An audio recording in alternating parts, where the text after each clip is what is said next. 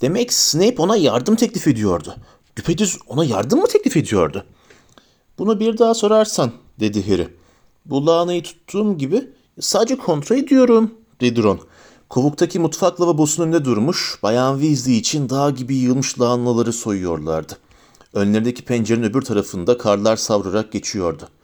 Evet, Snape ona yardım teklif ediyordu, dedi Harry. Malfoy'un annesine onu koruma sözü verdiğini söyledi. Dönülmez yemin mi ne öyle bir şey ettiğini söylüyordu. Bozulmaz yemin mi? dedi ağzı açık kalan Ron. Yo, yapmış olamaz. Emin misin? Evet eminim, dedi Harry. Niye, ne demek ki? Eh, bozulmaz yemini bozamazsın. Tuhaf gelecek ama o kadarını ben de anlamıştım. Bozarsan ne olur peki? Ölürsün, dedi Ron. Fred ve George 5 yaşındayken bana böyle bir yemin ettirmeye çalıştılar. Az daha ediyordum da. Babam bizi bulduğunda Fred'le el ele tutuşuyorduk bile. Aklını kaçırdı, dedi Ron. Gözlerinde bir hatırlama ışıltısıyla. Babamı yalnızca o zaman annem kadar öfkeli gördüm. Fred diyor ki sol kalçası o gün bugün eskisi gibi olmamış. Eee peki Fred'in sol kalçasını bir kenara bırakırsak? Affedersin anlayamadım dedi Fred'in sesi. İkizler mutfağa girerken. Aa George şuna bak bıçak falan kullanıyorlar. Eksik olmasınlar. Ron aksi aksi iki aydan biraz fazla kaldı 17 yaşında olmama dedi. Ondan sonra bunu sihirle yapabileceğim. Ama bu arada dedi George mutfak masasına oturup ayaklarını da üst üste koyarken. Göster bize bakalım nasıl kullanılırmış. Hay aksi. Sen mi yaptırdın bunu bana? dedi Ron hiddetle. Kesilmiş baş parmağını emerek. Görürsün sen ben bir 17 yaşında olayım da. Eminim ki şimdiye kadar var olduğunu hiç çaktırmadığın sihirsel becerilerle gözlerimizi kamaştıracaksın diye esindi Fred. Şimdiye kadar var olduğunu hiç çaktırmadığın becerilerden söz açıldı da Ronald dedi George. Ginny'den seninle bir genç hanım hakkında duyduklarımız ne oluyor? Adı bize verilen bilgi yanlış değilse eğer Lavender Brown'muş ha? Ron biraz pembeleşti ama tekrar lanalara dönerken kızgın görünmüyordu. Siz kendi işinize bakın. Nasıl da hazır cevap dedi Fred. Bu cevapları nereden bulursun bilmem.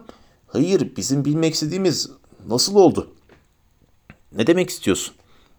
Kız kaza falan mı geçirdi? Ne? Ee nasıl böyle büyük bir beyin hasarı geçirdi? Dikkat et ama. Bayan Weasley tam da Ron lahana bıçağını Fred'e fırlatır. Fred de asasının tembel bir hareketiyle onu kağıt gibi uçağa çevirirken içeri girdi. Ron dedi büyük bir öfkeyle. Bir daha seni bıçak atarken görmeyeyim. Atmam dedi Ron. Sen bakarken diye de alçak sesle ekledi. Lana dağına geri dönerek. Fred, George, özür dilerim canlarım ama bu gece Remus geliyor. Onun için Bill'le ikinizin yanı, yanını sıkışacak. Sorun değil dedi George. O zaman Charlie gelmediğine göre tavan arasında sadece Harry ile Ron var demektir. Ve eğer Fleur da Ginny ile odasını paylaşırsa Ginny'e de ne güzel bir Noel hediyesi olur diye mırıldandı Fred. Herkes rahat edecek demektir. Eh hiç değilse yatakları olacak dedi Bayan Weasley. Sesi biraz sıkkın çıkarak. Demek Percy sahiden de gelip çirkin yüzünü göstermeyecek öyle mi? diye sordu Fred. Bayan Weasley cevap vermeden önce ona arkasını döndü. Hayır sanırım bakanlıkta meşgul. Bayan Weasley mutfaktan çıktıktan sonra Fred ya da dünyanın en büyük gıcığı dedi. İkisinden biri eh biz yola koyulalım öyleyse George. Siz ikiniz şimdi ne yapıyorsunuz dedi Ron. Bu lanaları soymamıza yardım edemez misiniz? Sadece asanızı kullansanız biz de serbest oluruz. Hayır bunu yapabileceğimizi sanmıyorum dedi Fred ciddi ciddi. Lanaları sihirsiz soymayı öğrenmek insanın karakterini sağlamlaştırır. Muggle'larla koftilerin işin ne kadar zor anlarsın. Ve eğer insanların sana yardım etmesini istiyorsan Ron diye ekledi George kağıt uçağını atarak. Senin yerinde olsam onlara bıçak savurmazdım. Küçük bir tavsiye. Biz köye gidiyoruz. Orada gazete bayine çalışan çok güzel bir kız var. İskambil numaralarımın harika olduğunu düşünüyor. Sanki gerçek sihirmiş gibi. Reziller dedi Ron asık suratla. Fred ve George'un karlı bahçeyi geçip yola koyulmalarını izledi. Onlara sadece 10 saniyesini alırdı. Biz de gidebilirdik. Ben gidemezdim dedi Harry. Buradayken alıp başımı oraya buraya gitmeyeceğim diye Dumbledore'a söz verdim. Ya evet dedi Ron. Birkaç tane daha soydu sonra Dumbledore'a Snape ile Malfoy'un birbirlerine ne dediklerini söylemeyecek misin? Evet söyleyeceğim dedi Harry. Bunu durdurabilecek herkese söyleyeceğim. Dumbledore da lisenin tepesinde.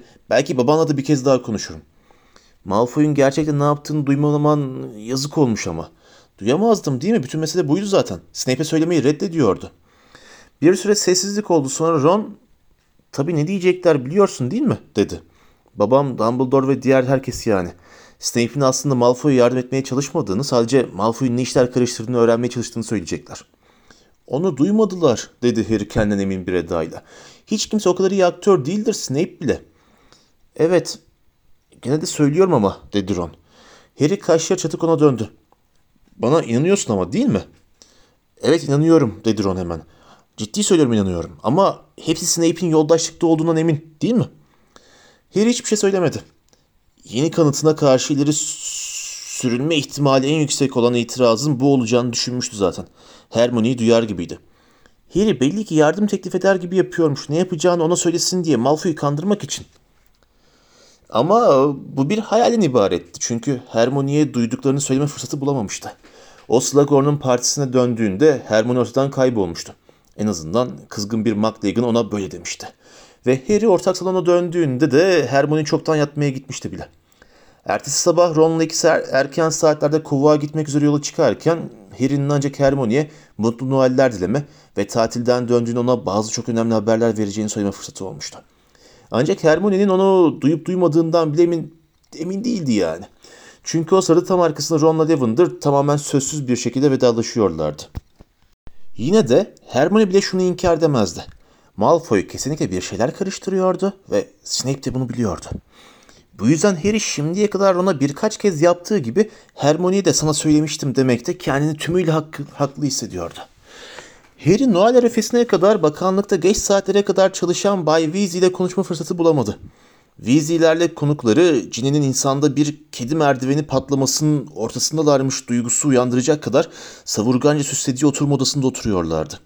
Ağacın tepesindeki meleğin aslında Noel yemeği için havuç toplarken Fred'in ayak bileğini ısıran bir bahçe yercesi olduğunu sadece Fred, George, Harry ve Ron biliyordu. Sersemletilmiş altın rengine boyanmış bir minyatür tutu içine tıkıştırılmış ve sırtına küçük kanatlar zamklanmış olan yer cücesi gözlerine ateşler saçarak aşağı onlara bakıyordu. Patatese benzeyen kocaman kel kafasıyla, epeyce kıllı ayaklarıyla Harry'nin o ana kadar gördüğü en çirkin melekti. Hepsi büyük tahta radyodan sesi dinli, titreyerek çıkan Bayan Weasley'nin en sevdiği şarkıcı Celestina Warbeck'in bir Noel yayını dinliyorlardı sözde. Celestina'yı çok sıkıcı bulan Fleur bir köşede öyle yüksek sesle konuşuyordu ki kaşlarını çatan Bayan Weasley asasını boyuna ses ayarına tutuyor. Böylece de Celestina'nın sesi yükseldikçe yükseliyordu. Justin'ları taşıyan sıcak, güçlü, aşkla dolu bir kazan adlı parçayı taşı fırsat bilen Fred ve George Ginny ile bir patlamalı pişti oyunu başlattı. Ron sanki birkaç püf noktası öğrenmek umarmış gibi Bill ile Flora gizli bakışlar atıp duruyordu. Bu arada her zamankinden daha zayıf ve pejmürde görünen Remus Lupin ise ateşin yanına oturmuş sanki Celestina'nın sesini duyamıyormuş gibi ateşin derinliklerine bakıyordu. Ah gel de karıştır kazanımı ve eğer doğru yaparsan bunu sana sıcak, güçlü bir aşk kaynatırım. Isıtsın diye bu gece seni. Bayan Weasley gözlerini ördüğü yünle kurulayarak 18 yaşındayken bununla dans ederdik dedi. Hımpf dedi başı soyduğu çekirdeksiz mandalinalar üstünde aşağı yukarı sallanıp duran Bay Weasley. Ah evet harika bir melodi. Bunun için kusura bakma dedi Celestina nakarat bölümüne geçerken başı radyoyu işaret ederek. Birazdan biter. Harry sırıtarak önemi yok dedi. Bakanlıkta bugün işler yoğun mu? Hem de nasıl dedi Bay Weasley. Bir yere ulaşıyor olsak içim yağmaz ama son iki ayda yaptığımız üç tutuklamadan bir tanesinin bile hakiki bir ölüm yiyen olduğundan şüphedeyim. Ama sakın bunu başkasına söyleme Harry diye ekledi çabucak. Birden çok fazla uyanmış görünüyordu. Stan Shampike'ı hala hapse tutmuyorlar değil mi? diye sordu Harry. Korkarım tutuyorlar dedi Bay Weasley. Stan hakkında Dumbledore'un doğrudan Scrimgeour'a başvurmayı denediğini biliyorum. Yani onunla yüz yüze konuşmuş olan herkes bu mandalina kadar ölüm yiyense onun o kadar ölüm yiyen olduğunu kabul edecektir. Ne var ki üst düzeydekiler bir ilerleme kaydediyormuş gibi görünmek istiyorlar ve üç tutuklama sözleri de kulağa yanlışlıkla yapılmış üç tutuklama ve tahliyeden daha iyi geliyor. Ama bak bu da çok gizli. Hiçbir şey söylemem dedi Harry. Bir an istediği konuya en iyi nasıl açabileceğini düşünerek duraksadı. O kafasındakileri düzenlerken Celestina Warbeck kalbimi büyüledin, kopardın götürdün diye bir aşk şarkısı söylemeye başladı. Bay Weasley okula gitmek için yola çıkarken size istasyonda ne söylediğimi hatırlıyorsunuz değil mi? Kontrol ettim Harry dedi Bay Weasley hemen. Gidip Malfoy'ların evini aradım. Orada olmaması gereken hiçbir şey yoktu. İster kırık ister sağlam olsun. Evet biliyorum gelecekte okudum aradığınızı. Ama bu farklı bir şey yani başka şeyler de var. Ve Bay Weasley'e Malfoy ile Snape'in arasında geçen konuşmanın ne kadarını duyduysa anlattı. Harry konuşurken Lupin'in başını söylediği her kelimeyi duyarak biraz daha ona doğru döndüğünü gördü. Bitirdiğinde ise bir sessizlik oldu. Celestina'nın içli sesi hariç. Ah zavallı kalbim nereye gitti? Bir büyü için beni terk etti. Hiç aklına geldi mi Harry? dedi Bay Weasley. Snape belki de sadece sadece yardım teklif edip aslında Malfoy'un ne işler çevirdiğini öğrenmeye çalışıyordu mu diyorsunuz? dedi Harry hemen. Evet bunu söyleyeceğinizi tahmin etmiştim ama nasıl bilebiliriz? Bunu bilmek bizim işimiz değil dedi Lupin beklenmedik bir şekilde. Şimdi sırtını ateşe dönmüştü ve Bay Weasley'in öteki tarafından Harry'e bakıyordu. Dumbledore'un işi. Dumbledore Severus'a güveniyor. Bu da hepimiz için yeterli olmalı. Ama dedi Harry. Diyelim ki diyelim ki Dumbledore Snape hakkında yanılıyor. İnsanlar söyledi bunu. Hem de defalarca sonuçta mesele Dumbledore'un yargısına güvenip güvenmemek. Ben güveniyorum. Bu nedenle de Severus'a güveniyorum. Ama Dumbledore hata yapabilir diye karşı çıktı Harry. Kendisi de böyle diyor ve siz dost doğru Lupin'in gözlerine baktı. Samimi olarak Snape'i seviyor musunuz? Severus'u ne seviyorum ne de sevmiyorum dedi Lupin. Hayır Harry hakikati söylüyorum diye ekledi. Harry'nin yüzüne kuşkucu bir ifade gelince. Hiçbir zaman yakın dost olmayacağım belki de. James ve Sirius'la Severus arasında bütün olup bitenlerden sonra arada çok fazla husumet var. Ama Hogwarts'ta ders verdiğim yılda Severus'un benim için her ay kurt boğan iksirini yaptığını unutmadım. Hem de kusursuz olarak yaptığını. O sayede genelde olduğu gibi Dolunay'da ıstırap çekmedim. Ama kurt adam olduğunuzu da kazayla ağzından kaçırdı. Okuldan ayrılmak zorunda kaldınız, dedi Harry kızgınlıkla. Lupin omzunu silkti. Haber nasılsa yayılırdı. İkimiz de benim işimi istediğini biliyoruz ama iksirle oynayarak bana çok daha fazla zarar verebilirdi. Beni sağlıklı tuttu. Minnettar olmam gerekir. Belki de Dumbledore'un gözü üzerinde olduğu için iksiri kurcalamaya cesaret edememiştir, dedi Harry. Ondan nefes etmeye kararlısın Harry, dedi Lupin, solgun bir gülümsemeyle. Ve bunu anlıyorum. Baban James, vaftiz baban da Sirius olduğu için eski bir ön yargı sana miras kaldı. Arthur'a ve bana anlattıklarını elbette Dumbledore'a da söyle. Ama onun bu konuda senin görüşlerini paylaşmasını bekleme. Hatta onu anlattıklarına şaşırmasını da bekleme. Severus Draco'yu Dumbledore'un talimatı üzerine sorgulamış olabilir. Ve iyice parçaladın onu şimdi. Sevinirim geri verirsen kalbime. Celestina şarkısını çok uzun tiz bir notayla bitirdi. Ve radyodan Bayan Weasley'nin coşkuyla katıldığı gürültülü alkış sesleri yükseldi. Bitti mi? dedi Flor yüksek sesle. Çok şükür ne korkunç. Ne dersiniz yatmadan son bir şey içelim mi? diye sordu Bay Weasley yüksek sesle. Kim yumurtalı sütlü viski ister? Bay Weasley telaşla yumurtalı sütlü viskiyi almaya gider. Herkes de gelenerek konuşmaya başlarken Harry Lupin'e ''Son zamanlarda ne yapıyorsunuz?'' diye sordu. ''Aa yer altındaydım.'' dedi Lupin. Neredeyse kelimenin tam anlamıyla. Onun için sana yazamadım Harry. Sana mektup yollamak, kendime ele vermek gibi bir şey olurdu. Ne demek istiyorsunuz? Hem cinslerimin arasında yaşıyorum. Eşitlerimin, dedi Lupin. Harry'nin anlamadan bakması üzerine de kurt adamların diye ekledi. Hemen hemen hepsi Voldemort'un tarafında. Dumbledore bir casus istiyordu ve işte ben de buradayım. Konuma hazır. Sesinde biraz acı bir ifade vardı ve herhalde bunu fark etti çünkü sözüne devam ederken daha sıcak bir şekilde gülümsedi. Şikayet etmiyorum. Yapılması gereken bir iş ve kim benden daha iyi yapabilir ki? Neyse, güvenlerini kazanmak zor oldu. Ben büyücüler arasında yaşamaya çalışmış olmanın bariz izlerini taşıyorum çünkü. Onlarsa normal toplumdan uzak duruyorlar. Kıyılarında yaşıyorlar. Yemek için çalıyor ve bazen öldürüyorlar. Voldemort'u niye seviyorlar? Onun yöntemi altında daha iyi bir hayatları olacağını düşünüyorlar, dedi Lupin. Buna itiraz etmek de zor. Greyback'in orada olduğunu düşünürsen. Greyback de kim? Adını duymadın mı? Lupin'in elleri kucağında kasılmaya benzer bir hareketle birleşti. Fenrir Greyback belki de bugün yaşayan en vahşi kurt adamdır. Mümkün olduğu kadar çok sayıda kişiyi ısırıp kirletmeyi hayattaki görevi olarak görüyor. Büyücüleri alt edecek kadar çok sayıda kurt adam yaratmak istiyor. Voldemort ona hizmetleri karşılığında av vaat etmişti. Greyback'in uzmanlık alanı çocuklardır. Küçükken ısırın der ve onları anneleriyle babalarından uzakta büyütün.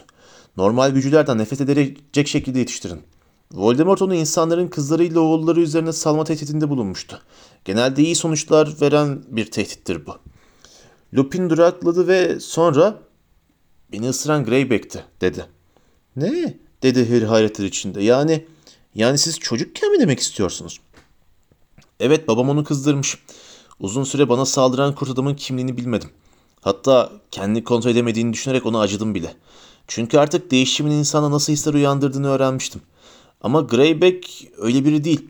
Dolunayda kurbanların yakınında bekler, saldıracak kadar yakın olmayı garantiye alır. Hepsini planlar. İşte Voldemort'un kurt adamları idare etmekte kullandığı kişi bu. Greyback'in kurt adamların kanı hak ettiği, normal insanlardan intikamımızı almamız gerektiği yolundaki ısrarına karşı benim o mantıklı tartışma şeklimin pek ilerleme kaydettiğini iddia edemeyeceğim. Ama siz normalsiniz, dedi Harry şiddetle. Sizin sadece bir sorununuz var. Lupin kahkahayı patlattı. Bazen bana James'i çok hatırlatıyorsun. Başkalarının yanındayken bundan benim tüylü küçük sorunum olarak söz ederdi. Pek çok insan huysuz bir tavşanım olduğu izlenimine edinmişti. Bay Weasley'e teşekkür edip bir bardak yumurtalı sütlü viski alırken biraz daha neşeli görünüyordu. Bu arada Harry büyük bir heyecana kapılmıştı. Babasının sözünün geçmesi ona Lupin'e sormak istediği bir şey olduğunu hatırlatmıştı. Meles Prens diye birini duydunuz mu hiç? Melez ne? Prens dedi Harry. Tanıma belirtisi bekleyip onu yakından gözleyerek. Büyücülerde prens yoktur dedi Lupin şimdi gülümsemeyerek. Bu senin benimsemeye niyetlendiğin bir ünvan mı? Seçilmiş kişi yeterli olur sanmıştım dedi gülümseyerek. Benimle ilgisi yok dedi Harry gücenmiş bir şekilde. Meles Prens Hogwarts'a gitmiş olan biri. Bende onun es- eski iksir kitabı var. Her yerine büyüler yazmış. Kendisini icat ettiği büyüler. Bir tanesinde Levi Corpus'tu. Aa o büyü ben Hogwarts'tayken çok modaydı dedi Lupin hafızasını yoklayarak. Ben 5. sınıftayken birkaç ay ayak bileğinin havaya kaldırılmadan yerinden kıpırdayamaz olmuştum. Babam kullanıyormuş dedi Harry. Onu düşünselinde gördüm Snape uyguladı. Sanki bu hiç önemi olmayan öylesine bir sözmüş gibi kayıtsız görünmeye çalışıyordu ama doğru etki yakaladığından emin değildi. Lupin'in gülümsemesi biraz fazla anlayışlıydı. Evet dedi. Ama bir tek o değildi yapan. Dedim ya çok popülerdi. Bilirsin bu büyüler bir ortaya çıkar bir kaybolur. Ama sanki siz okuldayken icat edilmiş bir şeye benziyor diye ısrar etti Harry. İlle de öyle olması gerekmez dedi Lupin. Büyülerde her şey gibi moda olur, modaları geçer. Harry'nin yüzüne baktı ve sonra alçak sesle James safkandı Harry dedi. Ve emin ol asla kendisine prens dememizi istemedi. Harry yapmacık davranışları bir yana bırakarak peki Sirius'ta değil miydi diye sordu. Ya siz? Kesinlikle hayır. Demek öyle. Harry gözlerine dikip ateşe baktı. Ben sanmıştım ki eh bana iksir dersine çok yardım oldu prensin. Kitap ne kadar eski Harry? Bilmiyorum hiç bakmadım. Belki de bu sana prensin ne zaman Hogwarts'ta olduğu hakkında bir ipucu verir, dedi Lupin. Bundan kısa süre sonra Fleur Celestina'nın sıcak güçlü aşkla dolu bir kazanı söyleyişini taklit etmeye karar verince Bayan Weasley'in ifadesine bir göz atan herkes buna yatmaya gitme işareti olarak işaret kabul etti. Harry ve Ron yukarı çıktılar. Ron'un tavan arasındaki yatak odasına Harry için bir kamp yatağı eklenmişti.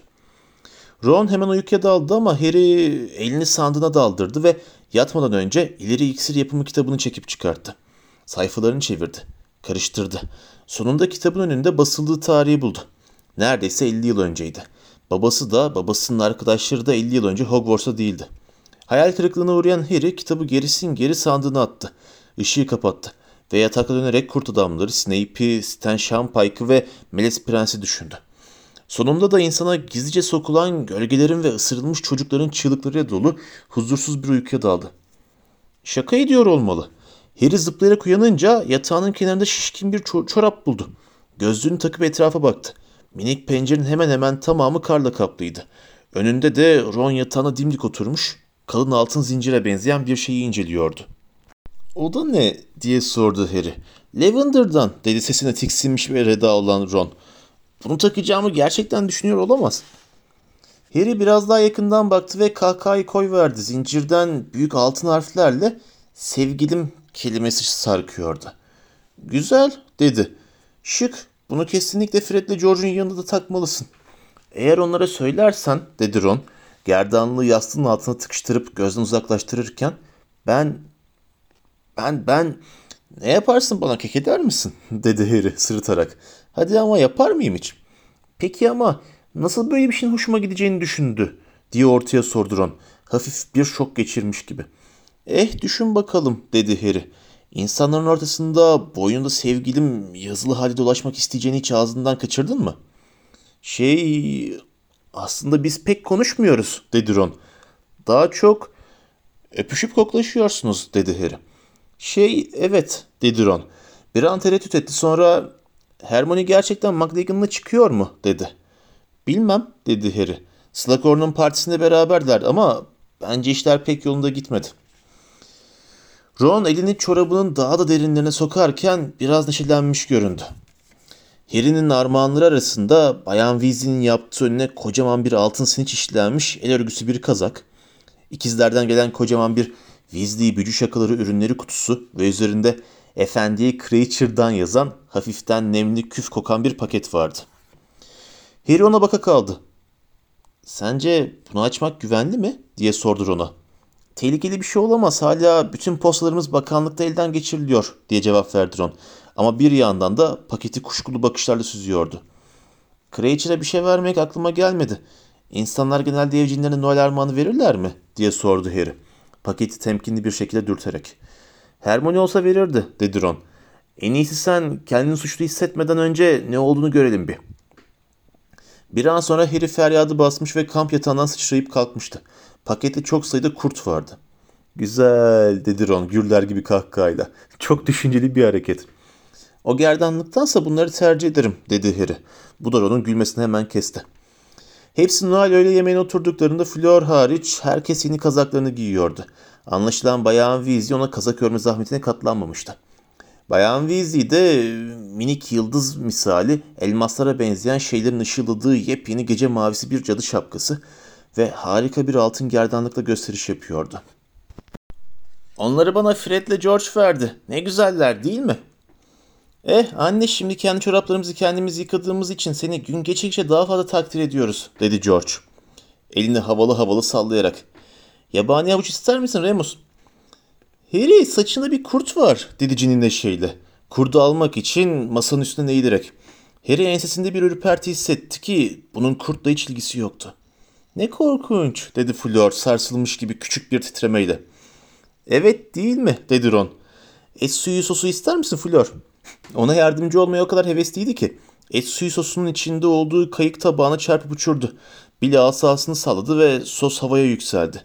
Ve uslu uslu kayık tabağına döndü.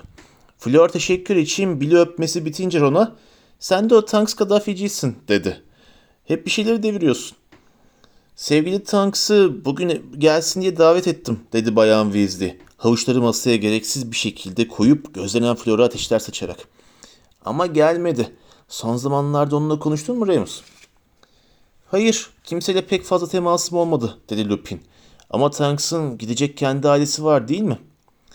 Hem diye düşündü Bayan Weasley. Belki aslında bana Noel'i tek başına geçirmeyi planlıyor gibi geldi. Lupin'e sanki gelininin Tanks yerine Fleur olması onun kabahatiymiş gibi öfkeyle baktı. Ama o anda Billy kendi çatalından hindi parçacıklarıyla besleyen Fleur'a bir göz atan Harry, Bayan Weasley'nin çoktan kaybedilmiş bir savaşı sürdürdüğünü düşündü. Yine de bu ona Tanks'a ilişkin bir soruyu hatırlattı. Böyle bir soruyu sormak için de Patronuslar hakkında her şeyi bilen Lupin'den daha iyisi olur muydu? Tanks'ın Patronus'u biçim değiştirdi dedi ona. En azından Snape öyle dedi. Böyle bir şeyin olabileceğini bilmiyordum. Patronus'un niye değişir ki? Lupin acele etmeden hindisini çiğnedi, yuttu. Sonra da yavaşça bazen dedi. Büyük bir şok, duygusal bir karışıklık. Kocamandı ve dört bacağı vardı dedi Harry. Birden aklıma bir şey gelince sesini alçaltarak hey şey olamaz değil. Arthur dedi bayan Weasley aniden. İskemlesinden kalkmıştı. Elini kalbine bastırmış Mutfak penceresinden dışarı bakıyordu. Arthur, Percy geldi. Ne? Bay Weasley dönüp baktı. Hemen herkes hemen bakışını pencereye çevirdi. Ginny daha iyi görmek için ayağa kalktı. Gerçekten de Percy Weasley oradaydı. Bağ çerçeveli gözlüğü güneşte parlayarak karla kaplı avluda uzun adımlarla yürüyordu. Ne var ki yalnız değildi. Arthur, yanında bakan var. Ve hakikaten de Harry'nin gelecek posasında gördüğü adam hafifçe topallayarak kırlaşmış yele gibi saçları ve siyah cübbesi karla benekleşmiş halde Percy'nin arkasından geliyordu.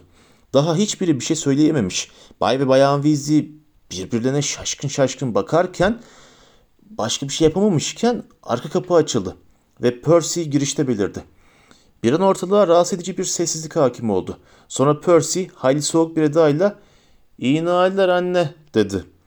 ''Aa Percy'' dedi Bayan Weasley ve kendini onun kollarına attı. Rufus Scrimgeour bastona dayanıp bu etkileyici sahneyi izleyerek yüzünde bir gülümsemeyle kapı eşiğinde bekledi. Bayan Weasley dönüp ışıl ışıl gülümseyerek ve gözlerini silerek ona bakınca ''Böyle davetsiz gelmemizi bağışlayın'' dedi. Percy ve ben bu civardaydık, çalışıyorduk da o da biri uğrayıp hepinizi görmeden edemedi. Ama Percy ailenin geri kalanını selamlamaya hiç niyetli görünmüyordu.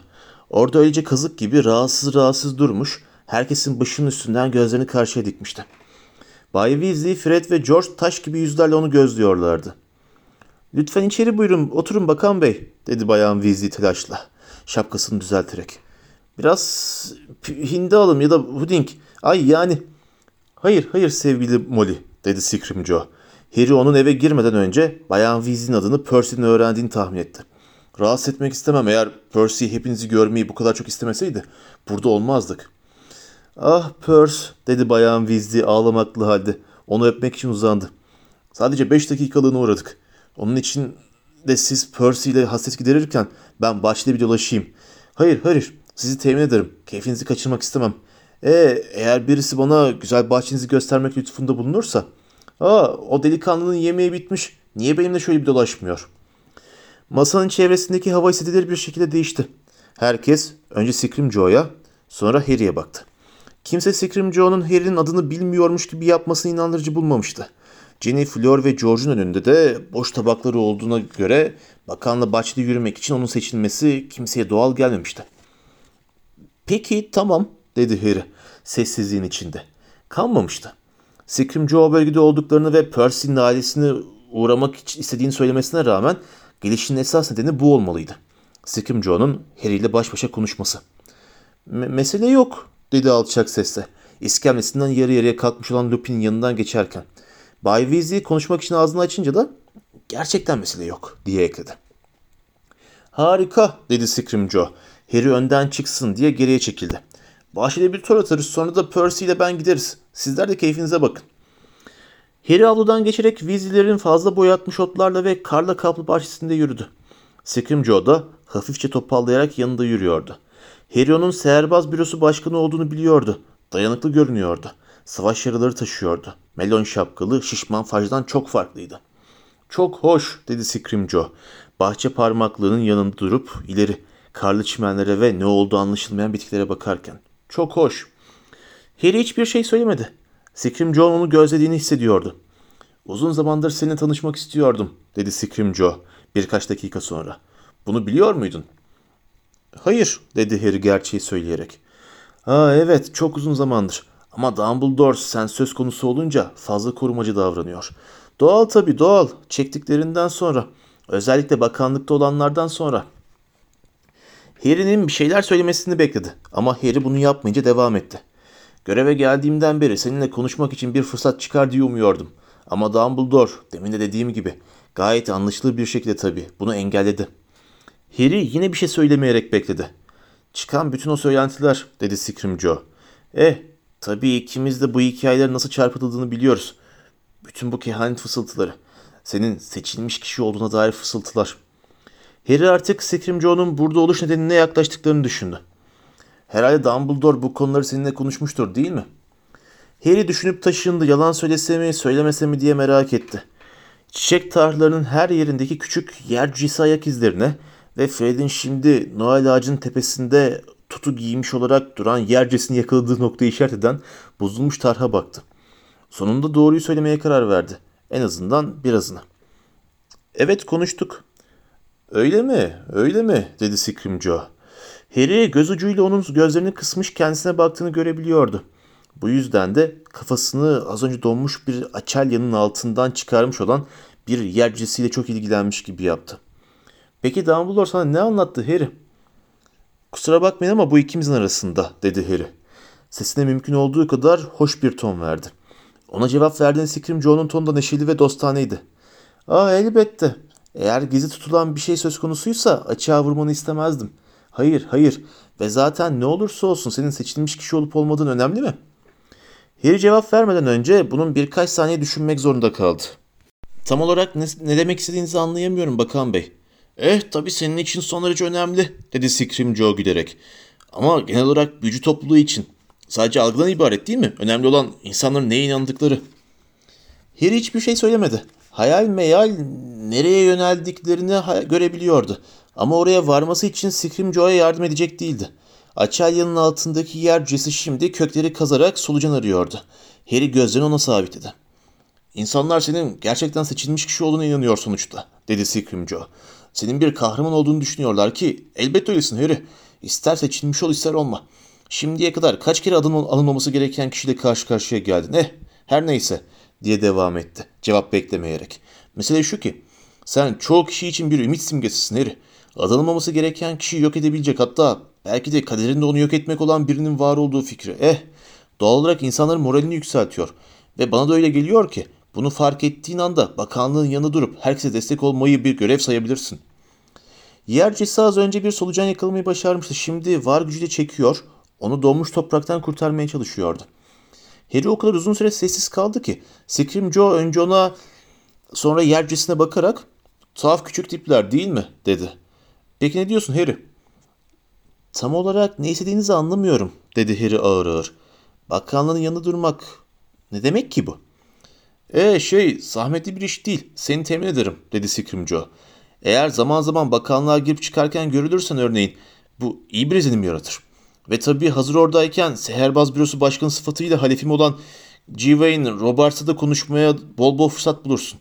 Dolores Umbridge bana senin seherbaz olmayı çok istediğini söyledi. Eh bu çok kolay bir şekilde ayarlanabilir. Harry midesinin dibinde öfkenin fokurdamaya başladığını hissetti. Demek Dolores Umbridge hala bakanlıktaydı öyle mi? Yani esas olarak dedi. Sanki sadece birkaç noktaya açıklığa kavuşturmak istermiş gibi. Benim bakanlık için çalıştığım izlenimini vermek istiyorsunuz. Senin bakanlıkla ilişkin olduğunu düşünmek herkesin moralini yükseltecektir Harry, dedi Scream Joe. Harry meseleyi bu kadar çabuk anladığı için rahatlamışa benziyordu. Seçilmiş kişi hani.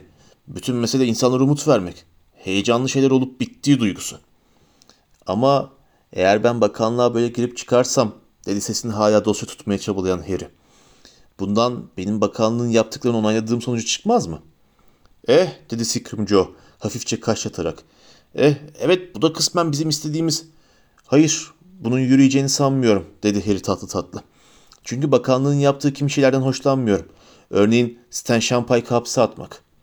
Scream Joe bir an konuşmadı ama ifadesi anında sertleşti. Senin anlamını beklemiyorum, dedi sesinden öfkeyi uzak tutmakta. Harry kadar başarılı olamamıştı. Tehlikeli bir dönemdeyiz ve kimi önlemlerin alınması gerekiyor. Sen 16 yaşındasın. Dumbledore'un yaşı 16'dan çok daha fazla ve o da sitenin Azkaban'da olması gerektiğini düşünmüyor, dedi Harry. Seni günah keçisi yapıyorsunuz tıpkı beni maskot yapmak istediğiniz gibi. Uzun uzun ve sert sert birbirlerine baktılar. Sonunda Joe bu defa samimi numarası yapmadan anlıyorum dedi. Sen de kahramanın Dumbledore gibi kendi bakanlıktan ayrı tutmayı tercih ediyorsun öyle mi? Kullanılmak istemiyorum dedi Harry.